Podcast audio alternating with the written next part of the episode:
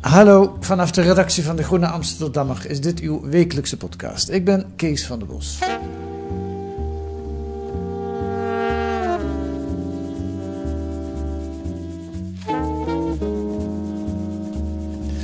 Dat de zeeën niet meer zo vol zitten met vis als vroeger, dat wist ik wel.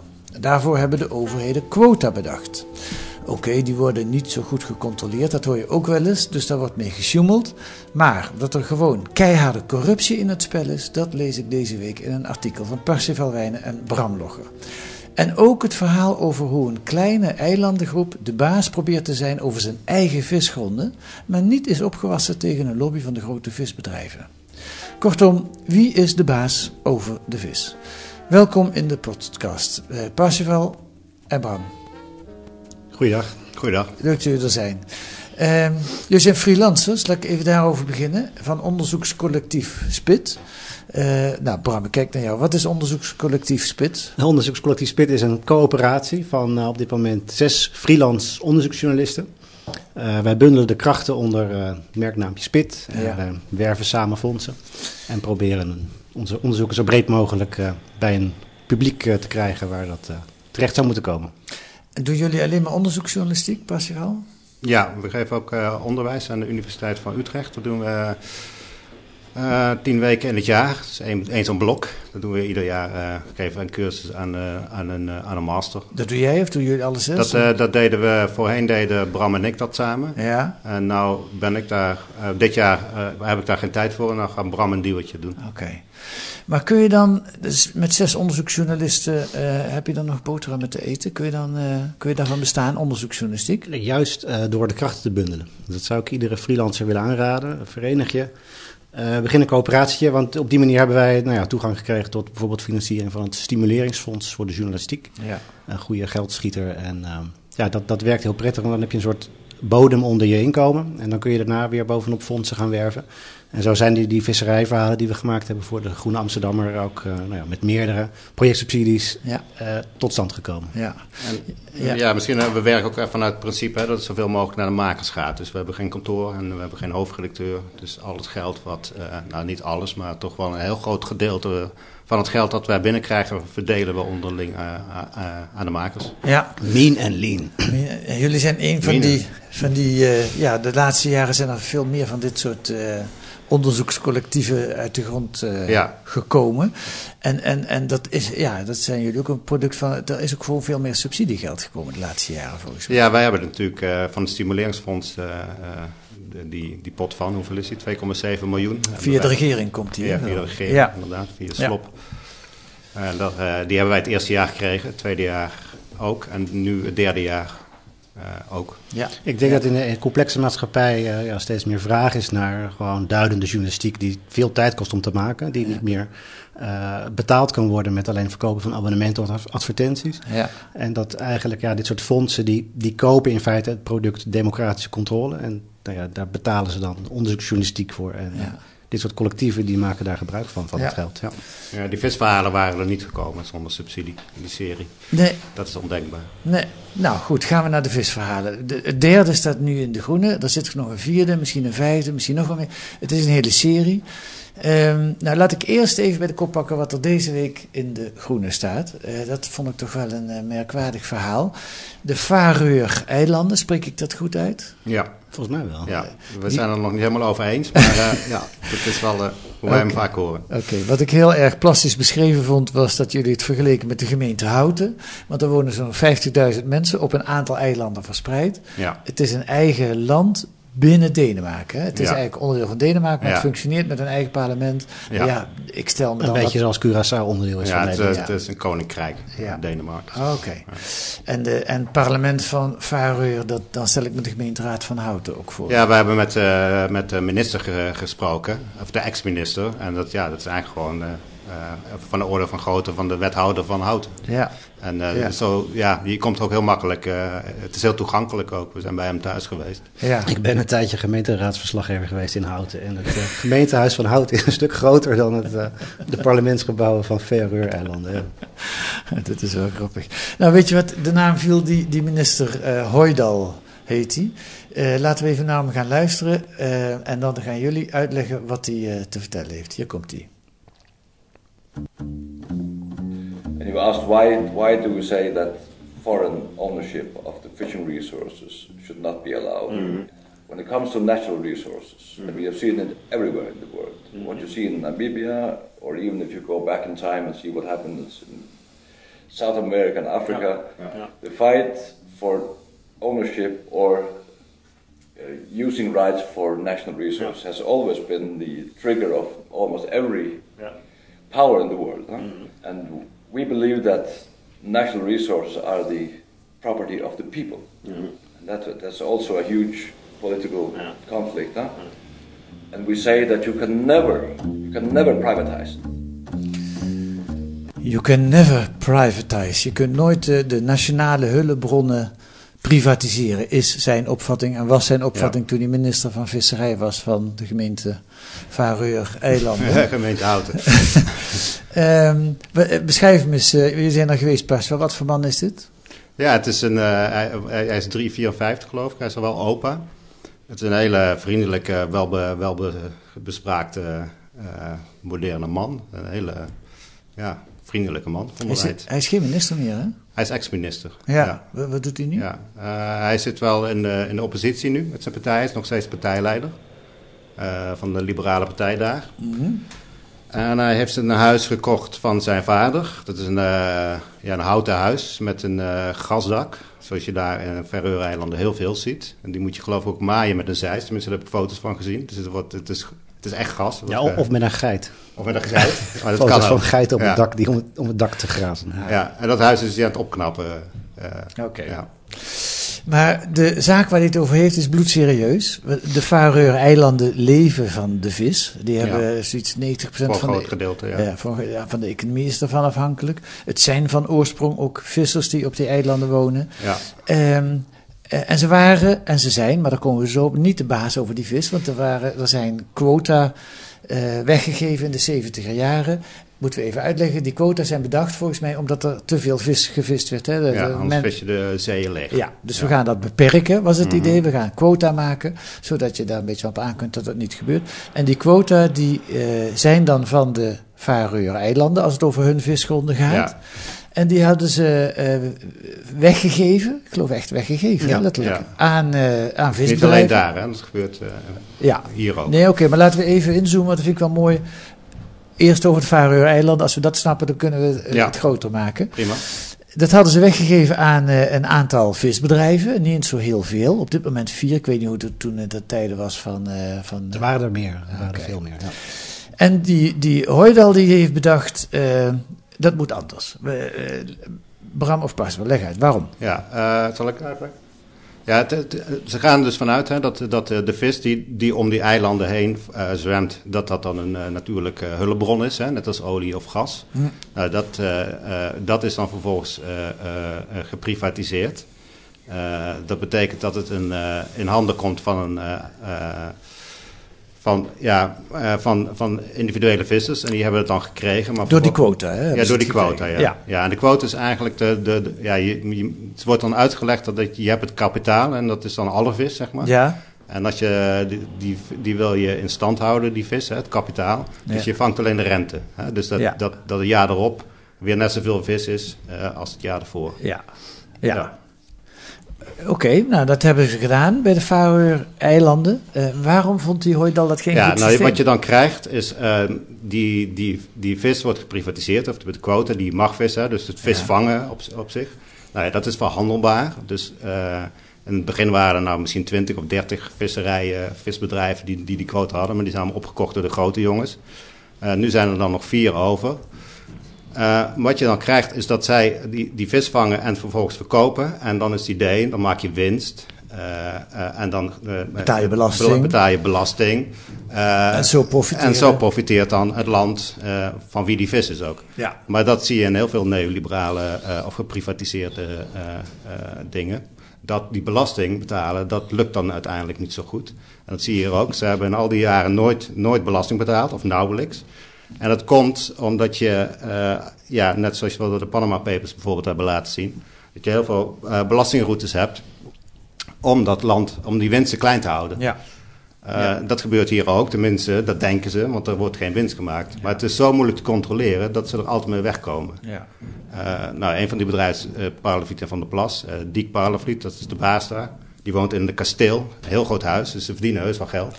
Die, die, die, grote visbedrijven, die jongens, die staan ook in de quote 500. Ja, vier, ja, ja, in die familie is vier. En je hebt in uh, Nederland drie grote bedrijven. En de, die, ja. de, de, de CEO's, die zitten allemaal in de quote 500. Ja. Maar wat Heut dan nou wilde, is dat omdraaien. Dus dat je de quota blijft van de, van de overheid, of dus van, van, van de mensen daar. Ja. En je betaalt van tevoren gewoon de, uh, het, het geld. Ja, je moet je kopen. Die, die ja, je moet uh, de quota om de zoveel jaar moet je dan uh, via een veiling mag je dan quota kopen. Ja. En dat betaal je. En dan hoef je niet achteraf te controleren of dat er wel winst of geen winst wordt gemaakt. Ja. En, zo. en dat was het idee van die meneer Hoydal. En dat heeft hij ook ingevoerd, uh, Bram. Ik kijk naar jou. Toen hij minister was, heeft hij ook inderdaad een wet door het parlement geloodst. Of door de gemeenteraad. Nou, ik kan het niet meer maken, dit grapje. Uh, dat, dat, die is aangenomen. 2017? Ja, uh, klopt. Ja. In 2017 was daar politieke meerderheid voor. Dus toen is dat gelukt. Ze hebben ja. die, die wet ingevoerd. Uh, er is nog geprobeerd om dat tegen te houden, maar dat is toen, toen op dat moment niet gelukt. Nee. Um, en vervolgens is de industrie eigenlijk ja, zich gaan mobiliseren. En ook, je kunt je voorstellen, in een klein landje met 50.000 inwoners. Uh, als er dan weer een keer verkiezingen zijn, hoef je niet eens zo heel veel mensen te bereiken om uh, ze te vertellen dat het een heel slecht plan is. dus de eigenaren van die grote bedrijven op Verre, die zijn als een gek gaan lobbyen. Die zijn ook gaan dreigen met, ja jongens, als uh, deze wet uh, niet van tafel gaat, ja, dan, moet, dan moet de fabriek dicht, uh, de visfabriek. Mm -hmm. Waar duizend gezinnen of zo dan afhankelijk zijn van, van hun inkomen. er is ook op een gegeven moment een schip verkocht met het, het, verhaal van, ja, het is nu niet meer rendabel om hier nog in te investeren, dus dat verkopen we allemaal maar weer. Mensen werden op die manier bang gemaakt en zijn allemaal, ze werden gebeld op een gegeven moment zelfs. Er is een soort telefoonboom opgezet, begreep ik, van een collega-journalist op Verre met wie we samenwerkten. om kiezers te gaan bellen. Om met het verhaal van ja, dit, dit moeten we terugdraaien. En toen is nou ja, partij weer weggestemd. Een jaar later. De, de, de, hele verandering die nog niet eens echt was doorgevoerd, is weer teruggedraaid. En uh, alles werd weer uh, zoals het was. Ja, daar gaan we nog meer over horen. Maar die, en er was zelfs, uh, Mark Rutte, onze premier, heeft in die lobby om die wet weg te krijgen een rol gespeeld. Ja, dat ja. was. Ja, twee vrij bizar, ja. Het, uh, dat is in, in uh, de Verreurse media wel vrij breed uitgemeten ook. Uh, daar kwam de, de, de, toenmalige premier en, en Hoijdaal, die in, de, in, dat, minister, in dat kabinet minister van Visserij was, die kwamen er ook zelf mee naar buiten van, nou jongens, wat, wat ons nu is overkomen. Wij werden gebeld door de premier van, van Nederland.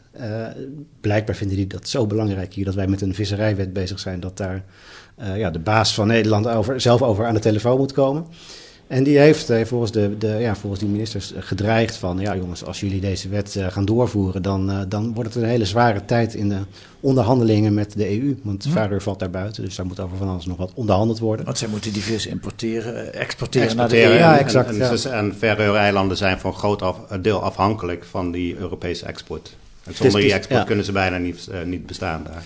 En, en, en, en nu komt het gekke. Die lobby heeft gewerkt en de wet is van tafel en het is weer zoals het vroeger was. Nou ja, dan zie je dat dus wat, wat, wat een machtsconcentratie dat quotasysteem geeft. En dat de, de verhandelbaarheid daarvan. Dat, ja. dat die quota dus in de handen van echt maar een paar partijen komen. Die zo groot zijn dat ze ja, inderdaad de wet naar hun hand kunnen gaan zetten. Maar dat op zich puzzelde me wel een beetje toen ik jullie stuk las. Want je kan toch ook denken, ja, die minister Hoydal die heeft ook zijn instrumenten om te lobbyen en om aan de bevolking duidelijk te maken en als, als jullie het me zo uitleggen, dan denk ik als ik een fareur was. Ja, maar als jij uh, een heel groot gedeelte van de economie in handen hebt, wat in dit geval is, want ze zijn voor een heel groot gedeelte hebben ze eigenlijk alleen maar vis. Je hebt er ook nog schapen, dat is een andere export. Maar goed, het is vooral vis waar, uh, waar ze van moeten leven, ja. waar de economie om draait. Ja, maar daar is dat plan Als... juist heel goed voor, daar gaan we meer aan verdienen. Ja, maar je hebt natuurlijk een korte termijn en een lange termijn doel. En uh, het lange termijn doel is wat Heudaal wil. Voor een lange termijn uh, moet het weer terug, maar er is natuurlijk een overgangsperiode. En dat zag je heel erg goed bij... Uh, Parlepieter van der Plas hebben daar ook een aantal fabrieken samen met de Verreurse partners. Uh, en die zeggen gewoon tegen die fabrieksarbeiders: uh, als dit plan doorgaat, gaat de fabriek dicht uh, en dan zitten jullie zonder baan. Nou, al die mensen die hebben weer familie. Ja. dus, nou ja, zo gingen er steeds minder mensen stemmen op Heudan. Ja.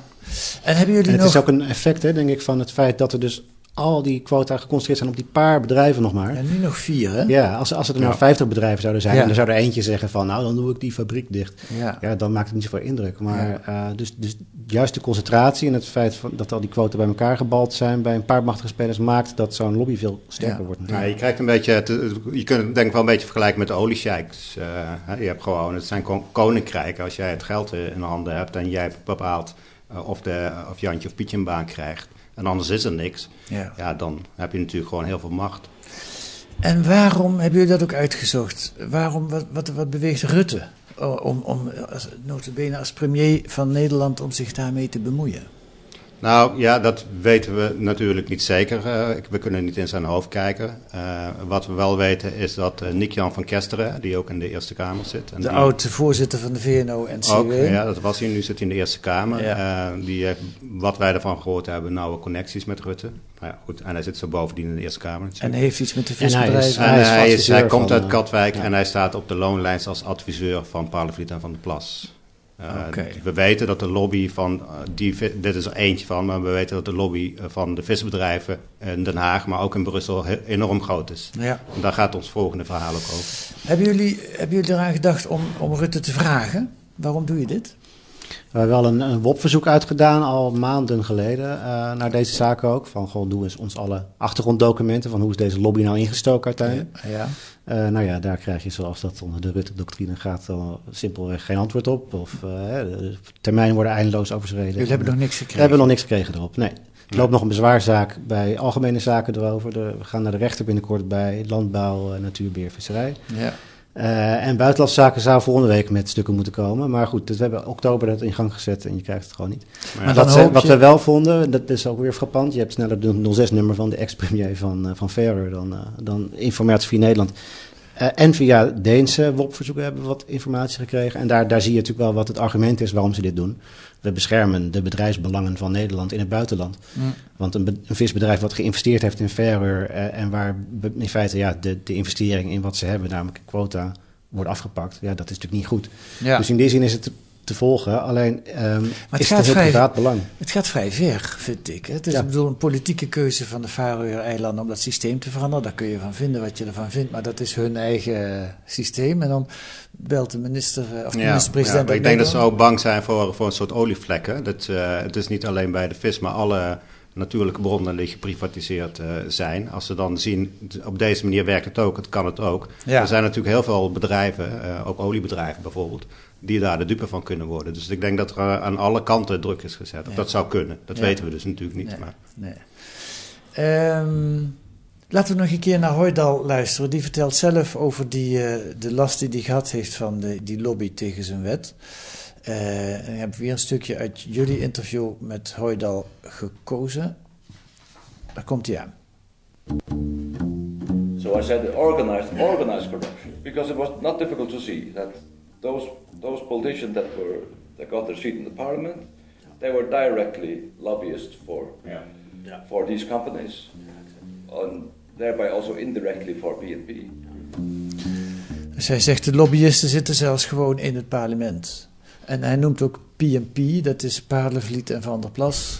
Van der Plas. Ja, Van der Plas, ja. Van der Plas. Eh, het grote Nederlandse bedrijf. Ehm, tja, eh, ik, ik, het is toch tamelijk schokkend om dit zo eh, eh, om je te realiseren hoe dat gaat. Mm. Nog, dit- los, ja. nog los van het feit, en daar kom ik op jullie andere verhalen, wat het in de zeeën teweeg brengt. Want je hebt dus die quotaregeling eh, enerzijds, maar je hebt, en daar ging jullie eerste verhaal over, in Namibië hebben ze ook de, de quotaregeling, hebben ze ook aan, aan bedrijven gegeven. En daar blijken die bedrijven gewoon op grote schaal, nou ja, eh, het vat u het even samen. eh, de, eh, wie? Het, eh, Ja. in, in Namibië, wat daar speelde, ehm, was een, een groot IJslands visserijbedrijf, Sameri. eh, die ehm, daar wilde gaan vissen. En dat kan dus alleen als je quota hebt. In, in eh, Namibië was het zo geregeld dat de overheid wel die, die quota eh, had en, en mocht uitgeven. En ehm, dat IJslandse bedrijf zich gewoon op grote schaal uh, politici, zakenmensen uh, en uh, de minister van Visserij gaan omkopen. Ja, dat is wel de persoon die je moet hebben natuurlijk. Precies, om die quota te krijgen. En vervolgens zijn ze daar nou, op geld verdiend met die vis. En alle inkomsten zijn ook weer via de bekende belastingsluiproutes het land uitgesluist zonder ja. daar ooit een cent belasting te betalen. Ja. En hebben Parelviet en Van der Plas, die hebben een nauwe samenwerking met Samheri. Ja, ze hebben eigenlijk nou, tientallen bedrijven samen. Dus het, zijn gewoon joint ventures. Ja. Uh, in, in, in heel Europa, ook in Afrika. Ja. Uh, en dat van Namibië, dat is zo goed uitgezocht en dat weten we omdat daar een klokkenluider is uh, losgekomen al in 2019. Johanna Stefansson, een ex-werknemer van het bedrijf. En die moest het gewoon zelf doen, die, die, die, die corruptie. Ja, die, werkte, die had een hoge functie bij Sam Herrie. Ja. Ja. En die betaalde de, de bedragen. En die heeft, voordat hij eh, ontslag nam, ook nog 30.000 eh, en ook een heleboel. Ja, uh, hij kreeg op een gegeven moment door dat het echt op hele grote schaal corruptie was. En dat het echt om, uh, om hele grote bedragen ging, om tientallen miljoenen. Wat allemaal het land uit werd gesluist. En uh, vissen die het land uit verdween. En, ja. Dus die, uh, die heeft op dat moment, toen hij daar nog werkte, heel veel mails verzameld. Ja. En uiteindelijk is hij daarmee naar de Wikileaks gegaan. Hij had echt nog zoiets van, nou, als wij nou als westers bedrijf hier de visindustrie op gang brengen, dan kunnen ze daarna zelf geld gaan verdienen. En uh, daar geloofde hij heel erg in. En gaandeweg het traject ja, is hij totaal gedesillusioneerd geraakt ja. in dat idee. Ja, en, afhankelijk dacht hij dat het om een klein beetje sjoemelig gaat, ging. maar het bleek zo grootschalig. En dat is het ook. En uiteindelijk zijn er zelfs moordaanslagen op hem gepleegd. Ja, hij is op een gegeven moment is hij vergiftigd. ja. ja. ja. Uh, wat er allemaal niet achter de vis schuil gaat. En dan nog heel even, en dan ga ik even over jullie onderzoek praten. Het tweede verhaal, je hebt dus die quota. Maar ja, quota is mooi, maar je moet dan wel controleren of mensen zich aan die quota houden. En uh, daar gaat jullie tweede verhaal over, dat een paar maanden geleden in de Groene stond. Daar, nou, daar een paar weken nog maar, ja. Ja, een paar weken nog maar zo, ja. Uh, die controle, daar, daar deugt eigenlijk niet zoveel van. Zo, zo vat ik het maar samen. Nee, dat, dat wordt nauwelijks gecontroleerd eigenlijk. Het is ook heel moeilijk te controleren. Het is ook heel moeilijk te Nou ja, goed, dat weet ik niet. Uh, uh, je, kunt camera's op schepen zetten, er, er, is nu een discussie over en dat willen ze natuurlijk niet. Maar nee. dat, zou, dat zou wel heel erg helpen. Want het begint ermee, je kunt wel controleren wat een schip aan land brengt, maar dat is niet altijd wat ze gevangen hebben. Ze kunnen onderwijl, dat is een bekende ja, truc. Als je, als je vis in, de, in, het schip hebt zitten wat niet zo vet is en je komt eens bij een schoolvis die veel vetter is, dan donder je die. Dan gooi je dood weer terug de zee. Ja, het mag allemaal niet. Maar dat mag niet, omdat je dan natuurlijk... Uh, meer dan de rente opvist. Ja. Want dan heb je de rente al opgevist en dan ga je het nog een keer doen. Ja, ja. ja. Nee, en zo kwamen we erachter dat er echt ongelooflijk veel manieren zijn om uh, nou ja, een beetje te, te sjoemelen met de regels. Hè. Je kunt ja. uh, uh, je radar uitzetten zodat je niet meer zichtbaar bent, zodat je ja. niet meer weet waar je aan het vissen bent. Je kunt sjoemelen met de maat van de vis, je kunt de maat van je, van je, de maat van je net aanpassen. Uh, ja, dingen overboord gooien. Je kunt de, met de weegschalen klooien. Uh, je ja. kunt vissen. Ja, wat een, een van de manieren is dat uh, die, die vis zit verpakt in dozen van, van meestal 20 kilo ongeveer. En wat je kan doen, dat is in ieder geval verhaal wat, wat, wat er rond te gaat, is dat je er 23 of 24 kilo in doet. degene die het afneemt weet dat, dus die betaalt voor 24 kilo. Maar degene die zeg maar de quota verrekent, daartegen zeg je dat het 20 kilo is. Ja. En zo ja. kun je dus 3, 4 kilo per keer extra maar ja, dat zijn allemaal dingen die toch makkelijk te controleren zou, zouden, zou ik zeggen. Nou ja, dat is gewoon een kwestie van wegen. Maar dat zijn ook weer particuliere bedrijven die dan worden ingeschakeld. En dat wegen, dat, uh, dat doen ze niet. Dat gebeurt ja. niet. Een paar, maanden, een paar maanden geleden heeft de Europese Commissie ook een uh, officiële uh, procedure gestart tegen Nederland. met het verhaal van: ja, jongens, ga eens opletten. Want jullie voldoen nu niet aan de Europese regels voor het wegen van vis. Dus dat moet beter. Ja, wat, wat ons verbaasde was dat in Namibië dat daar gesjoemeld was. Dat was wel duidelijk. Uh, dat, we, uh, nou, dat was gewoon corruptie en smeergeld werd daar betaald. Uh, daar ging dat eerste verhaal over. Maar tweede verhaal kwam erachter dat er in Nederland ook niet gecontroleerd werd. Dat hier ook een puin op is. Met de, op de quota bedoel je? Dat ja, dat dingen. hier. ja. ja. ja. Nou ja, dat wilde ik net gaan vragen. Ik neem aan dat jullie voordat je in deze verhalen begon geen deskundigen waren op uh, visgebied. Uh, nee, niet. Uh... Hè, dus, dus jullie, doe je de journalistiek vaker. Je stort je in een nieuwe, onbekende wereld. Inmiddels zit je er maandenlang al in te, te, graven. Wat is je het meest opgevallen? Ik vraag jullie allebei. Ik begin bij Parsifal. Wat, wat, wat heeft dat nou jou het meest verbaasd? Ja, nou ja, dat het me blijft verbazen eigenlijk. Dat heb ik niet zo vaak gehad. Uh, in het begin ben je wel, als je aan een onderzoek start, uh, de, al heel veel onderzoeken gedaan inmiddels. En dan de eerste maanden, okay, dan, dan, ja, dan weet, en op een gegeven moment weet je het wel. Maar hier, daarom is het ook een serie van drie, vier, waarschijnlijk vijf, misschien wel zes verhalen geworden ik blijf me verbazen. Dat er het zo, steeds nieuwe luikjes open. Nieuwe luikjes open en dat er zo weinig van bekend is eigenlijk ook. Tenminste niet, hè, niet bij het grote publiek in ieder geval. En dat er zo weinig journalisten mee bezig zijn. Als je het vergelijkt met, uh, met, uh, met vlees bijvoorbeeld. Ja. Daar is veel meer over bekend. Maar vis is natuurlijk ook een heel belangrijke voedselbron. Uh, en ja, hoeveel ja, wat hier allemaal boven tafel komt, het verbaast me heel erg. Ja, ja dat, weet ik eigenlijk helemaal niet. Zijn er, zijn er weinig uh, gespecialiseerde visjournalisten in Nederland? Die zijn, nou, er, er zijn wel gespecialiseerde, nou, eigenlijk heel weinig. En, en, en vaak uh, komen ze ook uh, van een bepaalde, worden ze gefinancierd uit een bepaalde hoek, zeg maar, die niet al te kritisch is. Ja, ja de, de, vakbladen, die, die, ja. die schrijven over vis, maar inderdaad bij grote En die worden meestal betaald door die grote bedrijven uiteindelijk. Het is maar een klein flint als je economie in Nederland natuurlijk. Terwijl, nou, ja. Maar Bram, wat vind je, dezelfde vraag aan jou. Wat heeft jou het meest verbaasd tot nog toe? Ook, ook, dat, dat er zo weinig inderdaad over eh, bekend is, dat, dat, dat verbaast me ook wel. En inderdaad al die luikjes die je opentrekt. Mm. en ook ja, dat, toch de de um, wetteloosheid op zee, hè, of de, de, de, de, vele manieren die er zijn om. Uh, we zijn natuurlijk wel vaker met dossiers gewerkt, zoals nou ja, Panama Papers en zo, dat soort dingen. Je kent alle trucs om, om gewoon met BV'tjes uh, uh, dingen weg te sluizen. En in de visserij heb je dan, kun je daarnaast ook nog met een schip rommelen. Die kun je een andere vlag geven, dan val je ineens onder een andere wet. Ja. je kunt op een ander plekje gaan, gaan, gaan varen. dus het, het wordt dus een 3D-puzzel bijna van manieren om onder regels uit te komen. Dat, dat, dat is, ja, daar kun je in blijven spitten. Ja, ja het is een matrix eigenlijk. Dus ze, ze komen er eigenlijk bijna altijd mee weg. Ja. Uh, ja. En dat gecombineerd met het feit dat het om enorm groot geld gaat. Dus om een, ja, en ook om het milieu natuurlijk. Ja. Dus, uh, ja. ja. Overbevissing is niet te onderschatten probleem, denk ik. Tot slot, jullie onderzoek. Uh, daar hebben we niet veel tijd meer voor, maar ik wil het toch nog even aan de orde stellen. Waarom, hoe, hoe begint zoiets? Nou, dit, dit uh, we kregen een tip van uh, ja, iemand die, zei, uh, die per se anoniem wilde blijven. Ehm, die, die, nou, die vertelde het ene schandaal naar het andere via een signalgroep waar we, of een signal ja, groepje waar we in zaten. Een app om gesprekken ja, via app, ja. ja. precies. Ja. en toen hebben we met hem afgesproken in de buurt van, een, van, van Utrecht Centraal, in een cafeetje. Anoniem allemaal. Ja.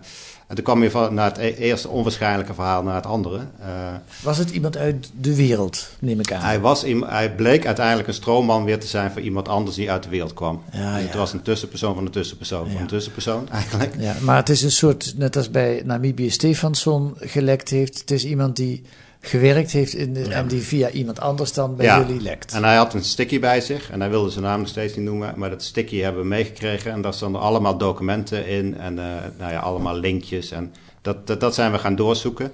En daar kwamen we er eigenlijk achter dat het uh, uh, allemaal best wel uitdraaide op van, nou ja, het begin, dat klopt wel, maar er zat ook heel veel conspiracy en dingen die niet, ja, die een beetje bij elkaar verzonnen waren. Het was niet zo goud als Stefansson uh, nee, de wereld te nee, zingen, dat je meteen nee, uit precies. documenten... En dat was ook de reden dat wij begonnen zijn met de visrot, want we, we zagen wel degelijk dat, er, dat ja, er zat wel een, een kern in, weet je wel. De, de visrot, dat moeten we even uitleggen, ja, de, de visrot files. Dat, dat zijn de visrot files van de Wikileaks, dat ja. die via, ja, via, via de klokkenluider uit IJsland, ja. Nou, die 30 30.000 mails, zeg maar. Daar konden jullie ook bij? Ja. Daar konden wij ook bij, want dat is gewoon openbaar. Ja. Uh, en dat zei die, onze tipgever wel van, nou, kijk, dit speelt. En uh, uh, en Van der Plas en Samertje, die werken eigenlijk als één bedrijf. Maar voor eigenlijk, een groot gedeelte. als ik het goed begrijp, heeft die tipgever jullie meer op het spoor gezet... dan dat ja. hij nou echt van gouden informatie heeft ja. voorzien. Het leek heel veelbelovend, maar het was allemaal een beetje hoog conspiracy gehalte. Maar, maar juist daardoor, omdat het, precies, omdat het allemaal hele rare fragmentjes waren... waarvan soms ineens wel weer iets klopte...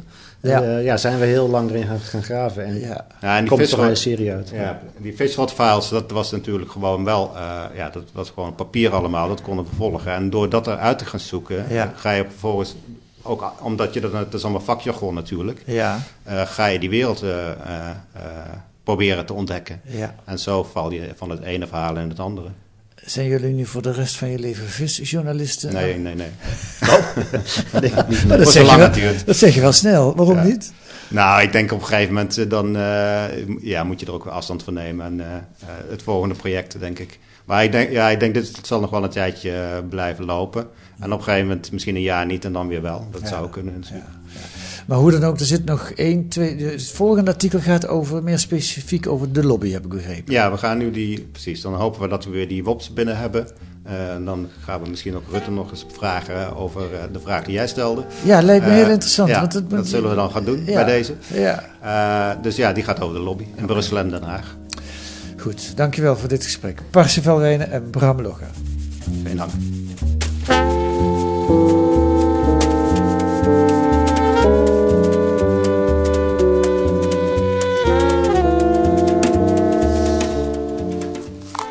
Wat kunt u nog meer lezen in De Groene deze week? Het is een special over het liberalisme. Van origine is dat een hervormingsbeweging, dat zou je nu niet meer zeggen, die na de val van de muur indutte en tevreden was, zolang de economie maar lekker liep. Nu is de vraag, kan het zelfvoldane liberalisme zichzelf heruitvinden? En ook Arnon Grunberg. Hij bespreekt de taal van Marieke Lucas Rijneveld. Waar de taal slechts een vlucht uit de werkelijkheid is, wordt die taal een gevangenis. Lees dat deze week in De Groene. Met een abonnement of een proefabonnement krijgt u 10 weken De Groene voor 15 euro. Ga naar groene.nl en daar wordt u dat uitgelegd. Wilt u reageren op deze podcast, dan kan dat op podcast.groene.nl. Ons mailadres podcast.groene.nl. Geef ons alsjeblieft ook sterren in uw podcast-app. Dan krijgen we nog meer luisteraars, omdat we op allerlei lijstjes gaan verschijnen dan. En volgende week zijn we er weer met analyses en achtergronden bij het nieuws in deze podcast van de Groene Amsterdammer. Die deze week werd gemaakt door Mirte Meijnes en Kees van der Bos. En de muziek is A Tune for N van Paul van Kemenade.